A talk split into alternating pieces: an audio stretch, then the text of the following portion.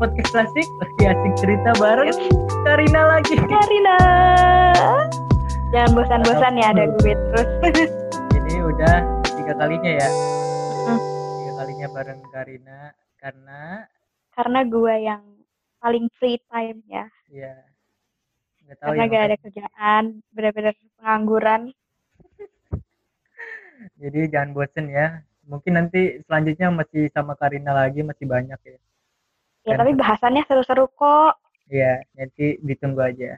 Oke, kali ini kita akan bahas eh, drakor yang sering dibanding-bandingin karena jadwal rilisnya eh, Credit- Crash Landing on YouTube bulan Desember. Eh, Sedangkan emang Desember. ya, Oh mulainya ya? ya mulainya Desember dan Itaewon Januari 2020. Jadinya Berdampingan. eh, drama ini berdampingan dan banyak dibanding-bandingin. Mm-mm. Termasuk Terus kita. juga karena Hmm. seru juga ceritanya. seru. Jadi banyak penonton Chloe uh, setelah itu nonton Itaewon gitu. Jadi mereka akan membuat komparasi gitu. Dan termasuk kita kali ini kita akan membahas Crash Landing on You versus Itaewon Class. Itaewon Class. Jadi jadi gini nih. Latar belakangnya kita buat ini karena Karina uh, komentar eh kita chatan gitu ya. Kita chatan Mm-mm. Kita kan ya, kita kan memang belakangan ini kan sering kayak sharing tentang eh tadi dulu ada suara meong kedengeran nggak? Karena kita tuh belakangan ini tuh lagi sharing-sharing soal film, soal drakor. Terus awal-awal sharing itu ya soal drama ini kan. Ya betul. Jadi Karina Terus- ini uh, mengidolai Itaewon Class daripada Crash Landing on You katanya gitu. Bukan mengidolai sih, lebih kayak lebih suka aja. Ya lebih suka Itaewon Class dan gue lebih suka Crash Landing on You. Mm-mm. Kita berbeda, terus gue kayak, hah gitu, kayak masih belum menerima ya namanya orangnya. Kenapa lo lebih suka Chloe gitu? Soalnya banyak beberapa yang gue tahu kayak eh, Arif Muhammad yang nonton-nonton kayak eh, influencer yang nonton itu mereka tuh bilang pada lebih suka Itaewon kan. Terus setelah gue nonton Itaewon ya jujur gue lebih suka Itaewon. Terus pas gue bilang ini ke lu dan gue nanya ke lu apa yang paling lo suka lu bilang Chloe gitu. Terus gue kayak Oke oke. Menarik nih. Jadi apa sih pendapat lu gitu? Kenapa lu lebih suka Itaewon Class gitu? pertama dari cerita ceritanya kayak lebih apa ya lebih complicated gitu terus juga eh, lebih lebih bikin mikir gitu loh karena di Hmm. situ ceritanya itu bisa dibilang related banget apalagi buat kayak yang pengusaha-pengusaha karena kan emang mengangkat tentang bisnis gitu dari awal dari eh, pebisnis pemula gitu sampai bisa jadi besar itu gimana caranya gitu kan. Dan struggle-nya itu kayak kayak mer- kayak walaupun gue bukan pebisnis tapi kayak gue relate gitu sama ceritanya gitu. Terus kalau Chloe itu menurut gue lebih apa ya kayak kisah cinta kisah cinta kisah cinta film-film gitu loh. Kayak yang klise tapi menarik gitu. Oke. Gue setuju gue awalnya suka Itaewon, tapi cuma dari eh, episode awal sampai akhirnya si siapa namanya? Eh, ini Pak Seroi Ya, sampai Pak Seroi itu punya kedai kecil. Udah sampai situ doang. Dan seterusnya gue gak suka karena gini, karena ceritanya banyak yang bisa dibilang too good to be true gitu. Jadi banyak yang apa ya terlalu indah untuk menjadi kenyataan gitu. Dan itu itu yang gak gue suka gitu. Kayak gini, contohnya kayak si eh, wait wait gue lupa namanya. Kayak si Hyun Yi, tahu Hyun Yi yang tomboy gitu, tomboy. oh Hmm. ya Yun, Yun Yi berhasil menangin kompetisi masak yang yang lu tahu sendiri itu kan pesertanya kan banyak dan ada saingannya tuh dari jangga gitu. Tapi dia Mhm. bisa tiga kali berturut-turut menang itu maksud gua masih kayak apa sih kok maksain banget menang? gitu kan. Sedangkan Yun Hee latar belakangnya cuma eh, kerja di kapal kan sama si Pak Seroi itu. Terus Mhm. latar belakang Yuni itu juga nggak ditunjukin selama drama gitu. Kan kalau yang lain uh, temennya tuh yang mantan narapidana juga itu kan dikasih tahu latar belakangnya gitu. Terus yang siapa sih yang anaknya anak bungsunya si Jangga. Anak bungsunya Jangga itu? Oh iya ya ya itu pokoknya itu dikasih tahu latar belakangnya gitu. Terus uh, yang cewek siapa sih? Yang imut? Aduh lupa gue yang imut? Yang ya, pakai ya, poni? Eh ya. semuanya pakai poni yang rambut pendek. Iya rambut pendek. Yiseo nah, ya? Iya Yiseo tapi dia nggak imut. Ih gue suka. sih? lu kenapa sih? Enggak, ini enggak deh dari vagabond dari vagabond lu bilang yang penjahat yang si itu si Lili lu bilang cakep. Eh please. itu enggak banget dulu ini pasti yang dengerin yang cowok juga pasti ngakuin kalau dia tuh imut kenapa imut sumpah imut banget. Enggak dok enggak dok sumpah. Iya banget sih dok kita kenapa debatin cantik cantik atau enggak sih dari kemarin. Menurut gue tuh biasa aja. Ih kenapa sih lu selalu ngomong yang biasa aja? Bahkan yang aneh kayak si Lili yang dagu sampai lancip lu bilang itu cakep ya Allah. Aduh. Ya, aneh banget. Kita selalu berbeda ya. Oke lanjut lanjut aja jangan. Jangan iya. mikirin. Jadi ke distract. Jadi ke distract nih. Uh, anak bungsunya namanya nih Jang Gengso itu dikasih tahu latar belakangnya. Sedangkan Yun Hee ini nggak jelas gitu. Dan tiba-tiba dia jago masak de dengan tanpa belajar gitu cuma uh, otodidak gitu latihan sendiri. Dan gue paling gak suka ketika si Tony itu kan Tony gak sengaja masukin ini kan masukin apa ya bumbu kari gitu ke satu masakan terus jadi ma masakannya jadi enak terus jadi bisa menangin kompetisi besar itu kata gue aduh masih ini sih kurang ya kayaknya dibilang kayak kebetulan-kebetulan itu kayaknya terlalu ah. terlalu kebetulan yang disengaja banget gitu ya. Iya gitu. Jadi gue tuh berharap kalah satu gitu. Uh, kalah sekali lah gitu minimal. Ini enggak, ini dibikin menang berturut-turut gitu. Terus yang enggak gue suka nih karakternya si Jang Gengse itu. Uh, Adiknya. Ah uh, ya, uh, anak bungsunya si ini Jang Dahe. Gue itu juga gak suka sama dia. Karena apa ya? dia kan dari kecil di, dibangun uh, apa ya mentalnya mentalitasnya dibangun sebagai anak yang baik anak baik dan apa ya beda lah dari abangnya tuh. Beda banget dari abangnya si Jang Geng Won. Nah cuma karena cinta ini gue gue nggak suka banget dah. Ini terlalu apa ya terlalu cepat perubahan mentalitasnya gitu. Cuma karena cinta dia jadi ada kucing iya maaf. Ya lanjut nih. Jadi uh, perubahan mentalitasnya cepet banget gitu. Gue nggak suka cuma karena cewek terus dia berbalik jadi ke uh, yang jahat banget ya. gitu. Itu gue iya, nggak ya, suka sama dia. Sama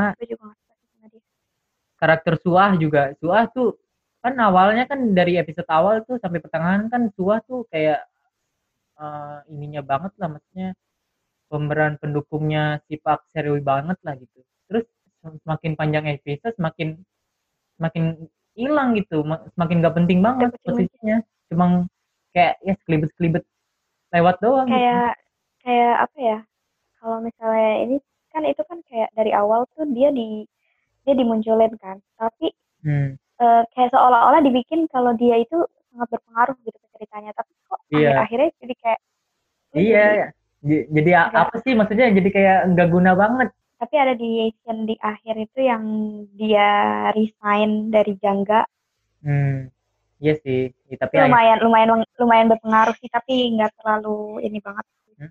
Nah itu kan dari awal kan kita lihat siswa nih kan kayaknya bakal berpengaruh banget gitu kan di seri. Yeah. tapi semakin lama semakin enggak hilang. Terus ini ceritanya terlalu sempit kurang berkembang gitu. Ini kebalikan dari lu malah nih. Karena ya, ya cuma di di sekitaran situ doang gitu. Maksudnya apa ya? Pengaruhnya nggak besar lah ke yang lain-lain gitu.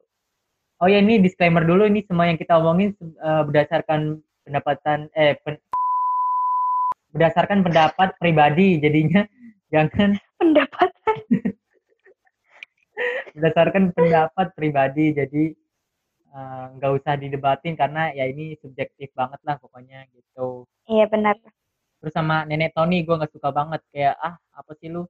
Hilang deh nggak nggak jelas banget gitu yang awal tukang narikin ternyata dia orang tajir melintir. Nggak nggak jelas banget gitu. Iya Terus- iya iya iya. Ta- tapi gue suka nih apa eh ini apa sih nyebutnya? Konsisten nah di eh, series ini konsisten banget nih gesturnya Pak Seroi yang ngelus-ngelus kepala tuh. Ngelus-ngelus kepala iya. eh, pertanda dia itu lagi ikonik sih. mem- memantapkan diri dia gitu. Terus gesturnya Jang Dahe yang mainin jari kan? Ma- mainin oh jari. iya. Nah, itu iya iya iya iya. dia lagi nunjukin kekuatannya gitu. Itu seru banget itu. Itu keren. Itu dan itu konsisten loh dari awal sampai akhir gitu gitu. Mm-mm, ada terus ya. Hmm. dan itu sih yang gak sukanya gua gitu. Dan karakternya masih terlalu hitam. Ini catatan gua nih. Masih hitam tuh artinya kayak terlalu baik baik banget gitu jahat jahat banget gitu. Nggak nggak abu-abu gitu makanya gua nggak suka. Gitu.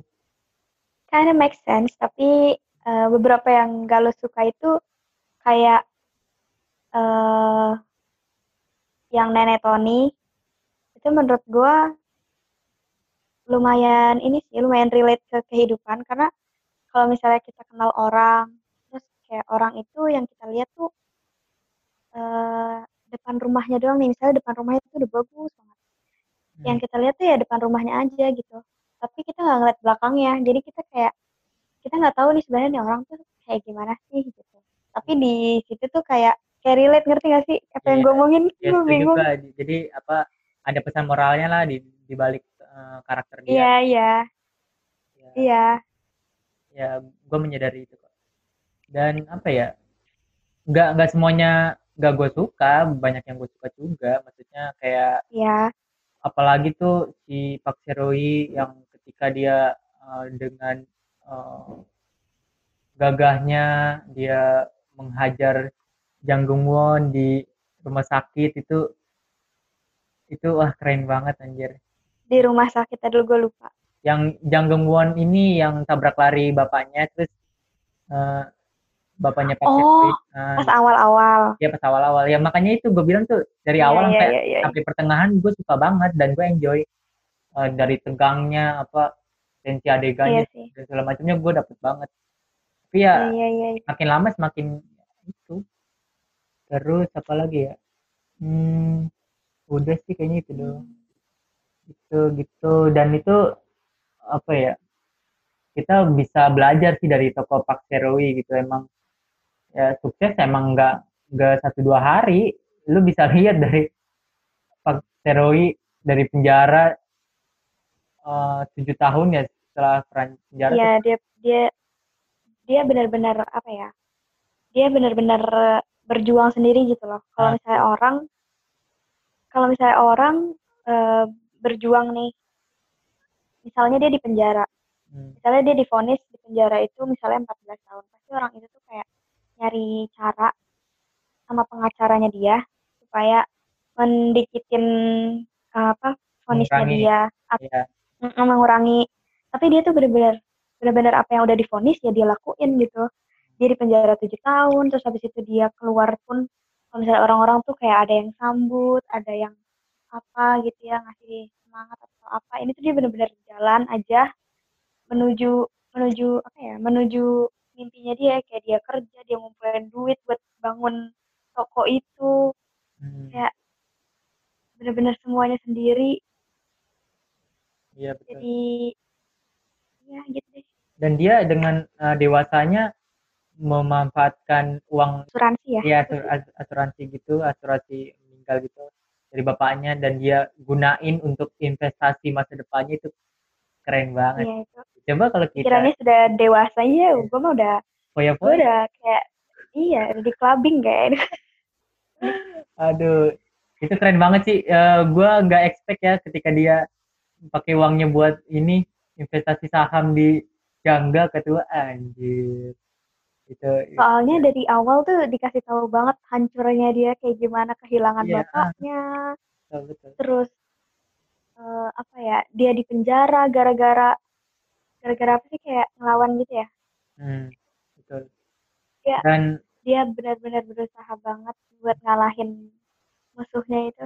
dan itu seru maksudnya dan itu apa ya tegangnya dan segala macamnya itu kita dapat banget gitu soalnya kita Mm. tahu sendiri kan si Jang Dahe kan apa ya bisa dibilang eh, tajir melintir lah tapi dia tahu nih dia tahu potensi si Pak Sero itu gede jadinya Jang Dahe sendiri juga ketakutan kan Jang Mm-mm. Dahe sendiri khawatir dan itu seru banget itu tontonan seru Benar-benar benar.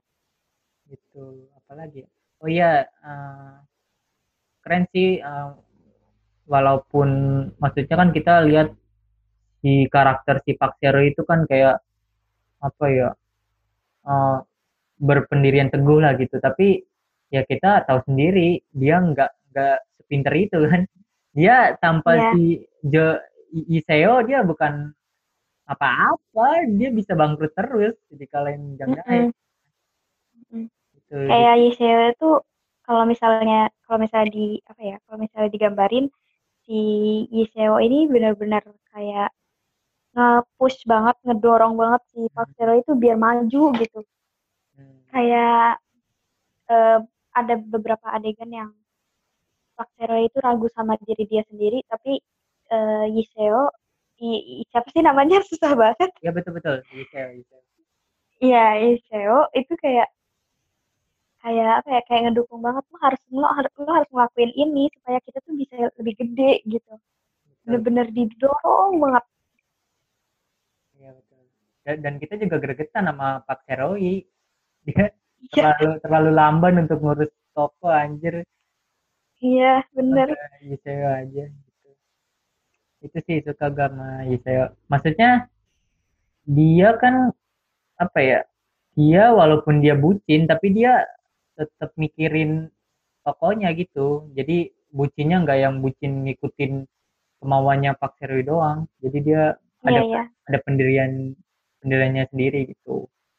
iya iya iya Eh, tapi itu tapi itu masuk bucin banget gak sih soalnya Hmm. dari awal tuh dari awal dia ngelihat si Heroin apa ngebantuin dia dari ibu-ibu yang ibu temennya dia itu Iya, iya. sampai pas dia pas dia nyadar kalau dia jatuh cinta tuh kayak bener-bener pergerakannya cepet banget gitu dia langsung ke tokonya dia bilang dia mau kerja di situ Hmm. kayak pergerakannya tuh cepet banget gitu kayak tahan dulu kayak bor gitu Iya. kalau lu udah cinta kayaknya ngegas banget Hmm. Dan ini ada di eh, satu review gitu di YouTube bilang ya emang karakter si Yasuo ini emang terlihat bucin sangat sih. Tapi ya ya gitu, maksudnya gua nggak nggak terlalu kaget karena emang dari awal kita di eh, kita dikasih lihat kalau dia emang ambisius banget kan karakternya Yuseo gitu dalam menggapai Iya. apa pun ya, termasuk cinta ya Iya. makanya makanya ya ya jadi gitu. tapi gue nggak suka sih kisah cintanya gue nggak suka Iya sih. Ya emang nggak fokus nih. Balik lagi yang kayak Vagabond. Kisah cintanya cuma berapa kayak cuma tambahan ya Iya tambahan aja gitu. Tapi kalau vagabond itu dikit banget kalau ini tuh masih dikasih ya masih ada lah ya. Hmm. ya Dan gue liatnya apa ya Pak Serwi kan badannya gede banget ya. Sedangkan Theo kan kecil gitu. gue liatnya kayak om-om mama ini anjir om-om mama keponakan. terus terus nggak terus gini loh kan Pak Seroy kan eh 10 tahun ya di atasnya Iya. si si Si Theo Hmm.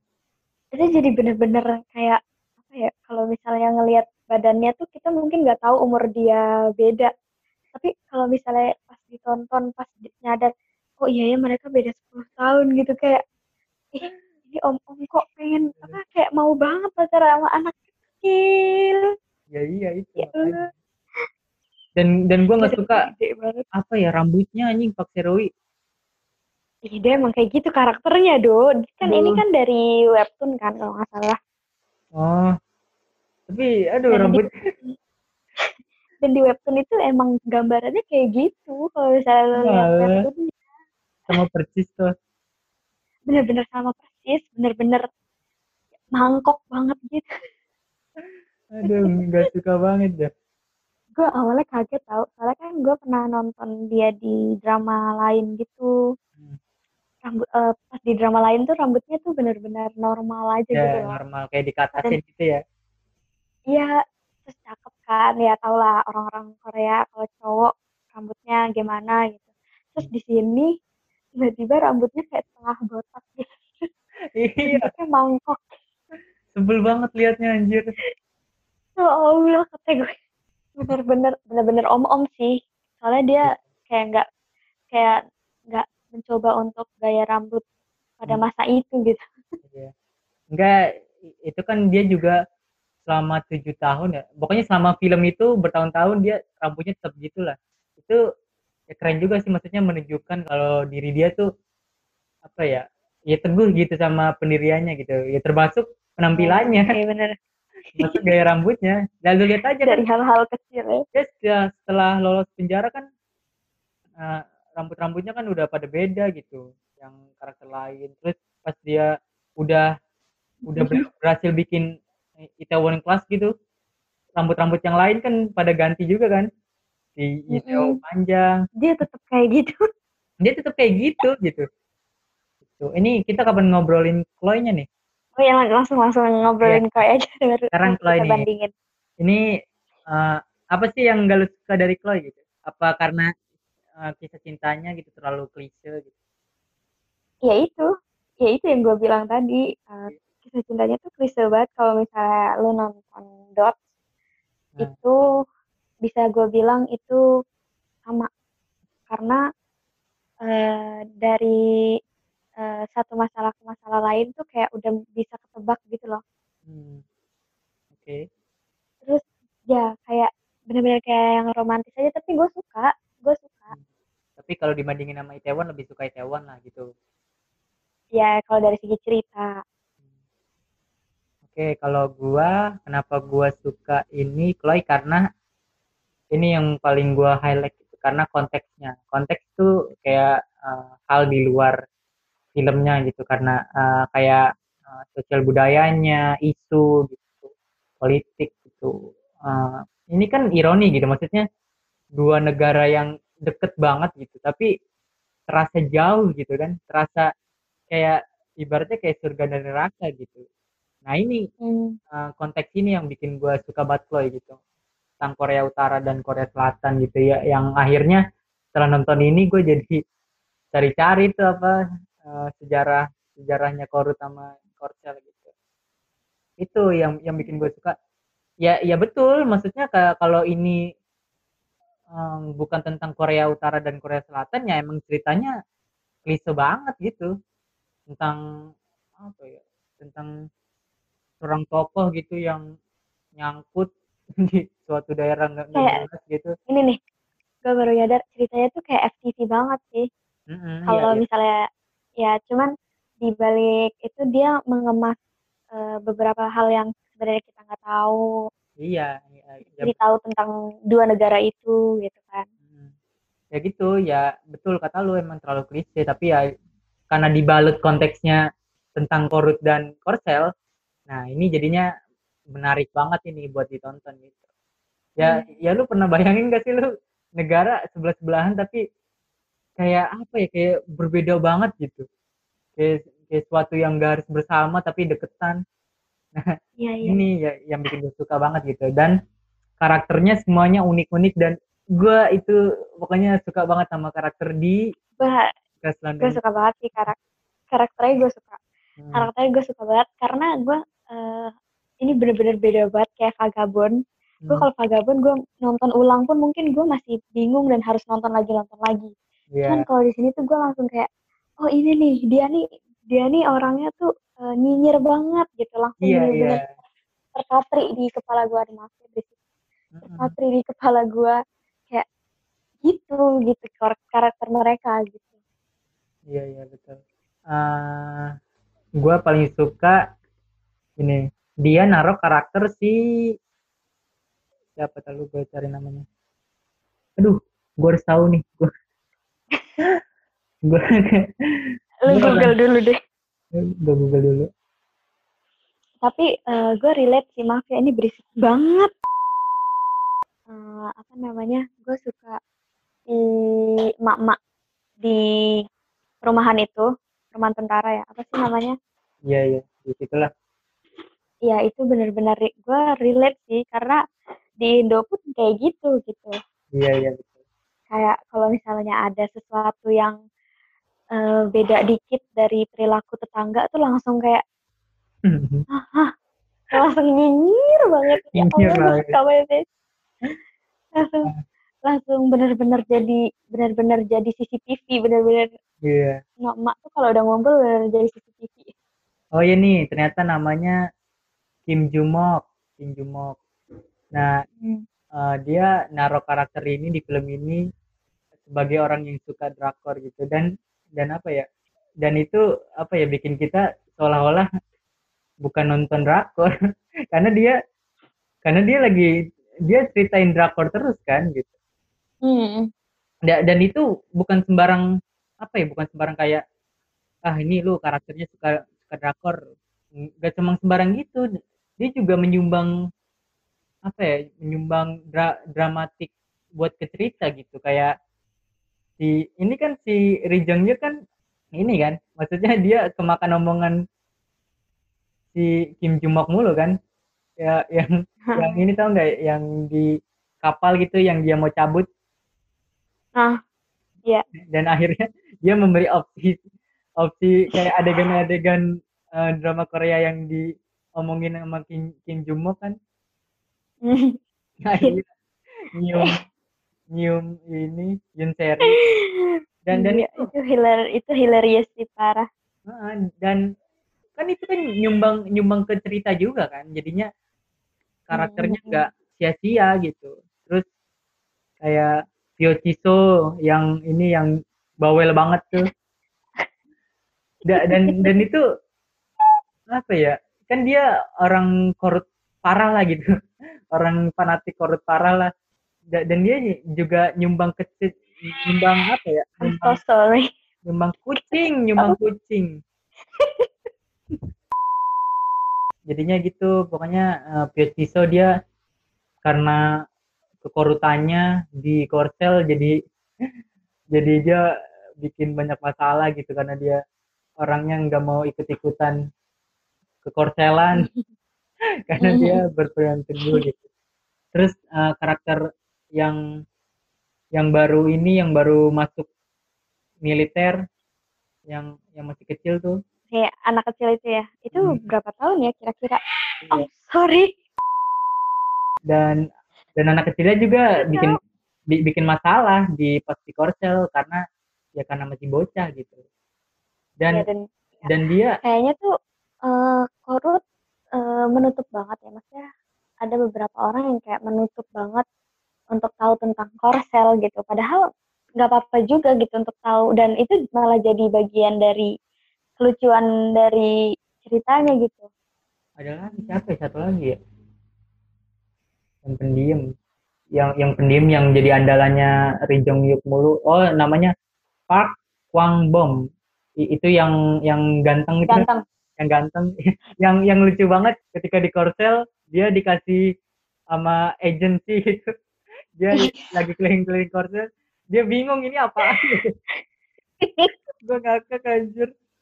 Karena ganteng ditawarin dong. Masuk agensi anjir. Dan, dan ini nih apa kalau lu eh, sadar gitu di di korut orang yang berkuasa itu orang yang punya jabatan gitu sedangkan di korsel iya orang, benar. orang yang berkuasa orang yang kaya. Jadi itu iya. suatu hal yang beda tuh di kor korut sama korsel.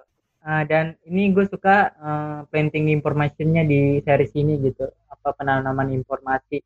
Jadi kita ngerasa eh sering kali oh ternyata ini ini kan tadi udah diomongin di sini gitu. Kayak ternyata si Ri Jong Hyuk udah pergi ke ini kan ke mana tuh?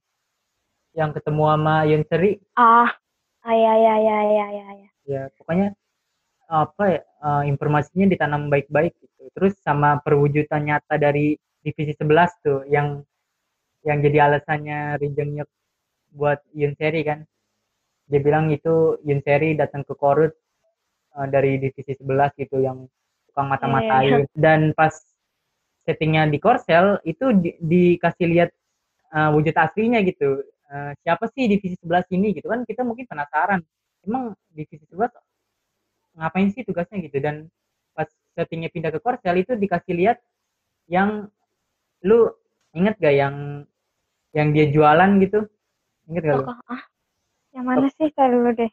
Yang di Korsel ada nggak kan? Oh iya itu. Nah, iya iya iya ya, Kim So Hyun, Kim So Hyun. Nah, Kim Hyun. Nah itu kan uh, di, dikasih wujud nyatanya gitu sama si series ini. Jadinya oh ini jadinya orang di sebelah gitu. Ya semacam mintel gitu kan. Mm -mm. Terus uh, komedinya gue suka banget. Iya sih gue ngakak banget. Apalagi yang pas dia baru nyampe di Korsel itu bener-bener kayak Aduh, itu kayak apa ya? Kayak, kayak orang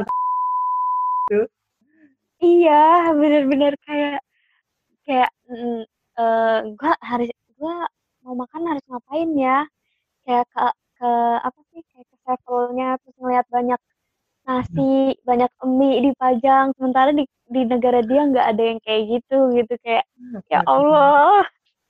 Gue ngakunya ngakunya gini yang apa orang intelnya Korsel yang lagi uh, memata-matai para pasukan ini kan dicek kan uh, dia udah ngelakuin apa uh, mereka udah udah pada beli apa. Dan dan pas dicek ya cuma gitu-gitu doang. Beli baju beli makanan. Jadinya ya ya emang mereka nggak jahat gitu emang emang orang bego aja. Orang... iya emang orang bego aja kayak duh kayak nggak tahu mau ngapain ya ya udah gitu.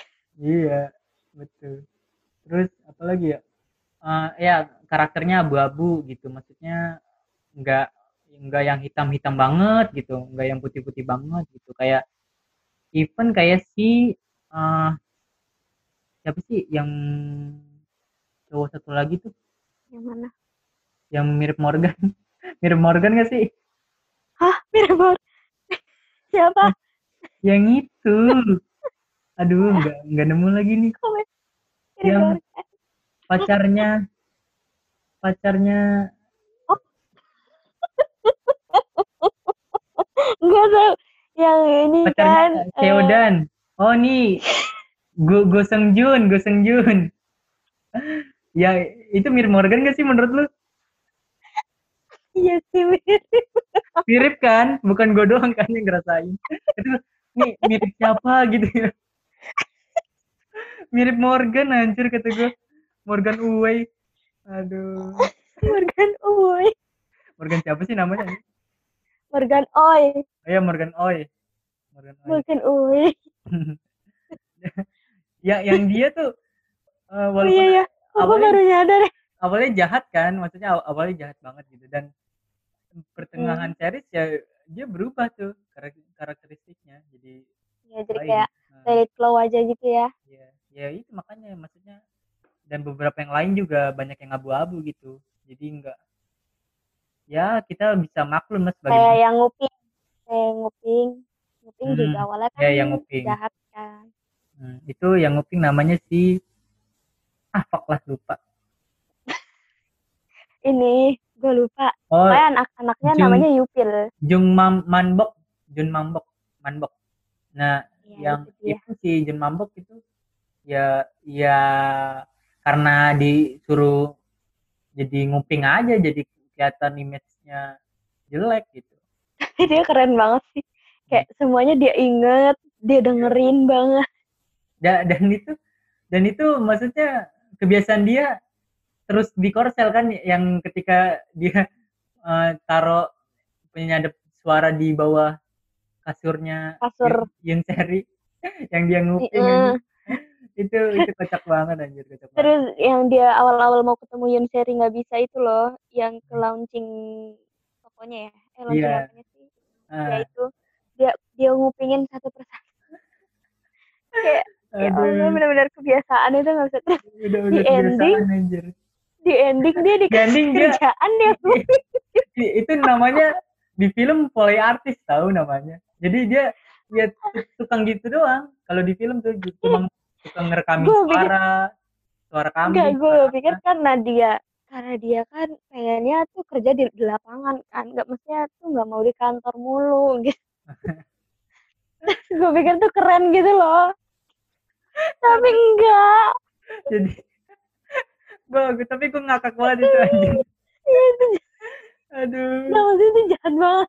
Tapi enggak makanya gue suka komedinya gitu. Maksudnya komedinya nggak lebay gitu. Nggak nggak yang gimana gimana komedinya semuanya pas da- dan bikin ngakak gitu.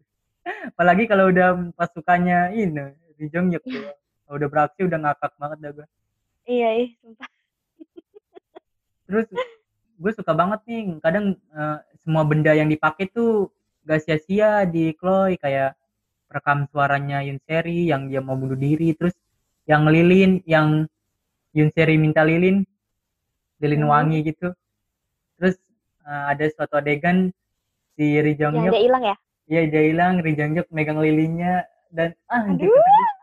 ini itu kan maksudnya apa ya gak sia-sia kan? Ay. Eh, dia dia minta lilin wangi kan gak sia-sia. Itu jadi apa ya jadi eh, satu hal kecil tapi diperhatiin gitu ya? Ya suatu hal jadinya kecil. berdampak besar. Nah betul. Jadi berdampak besar kan. Jadi dia bisa nemu seri dengan lilin itu karena itu makanya gue suka.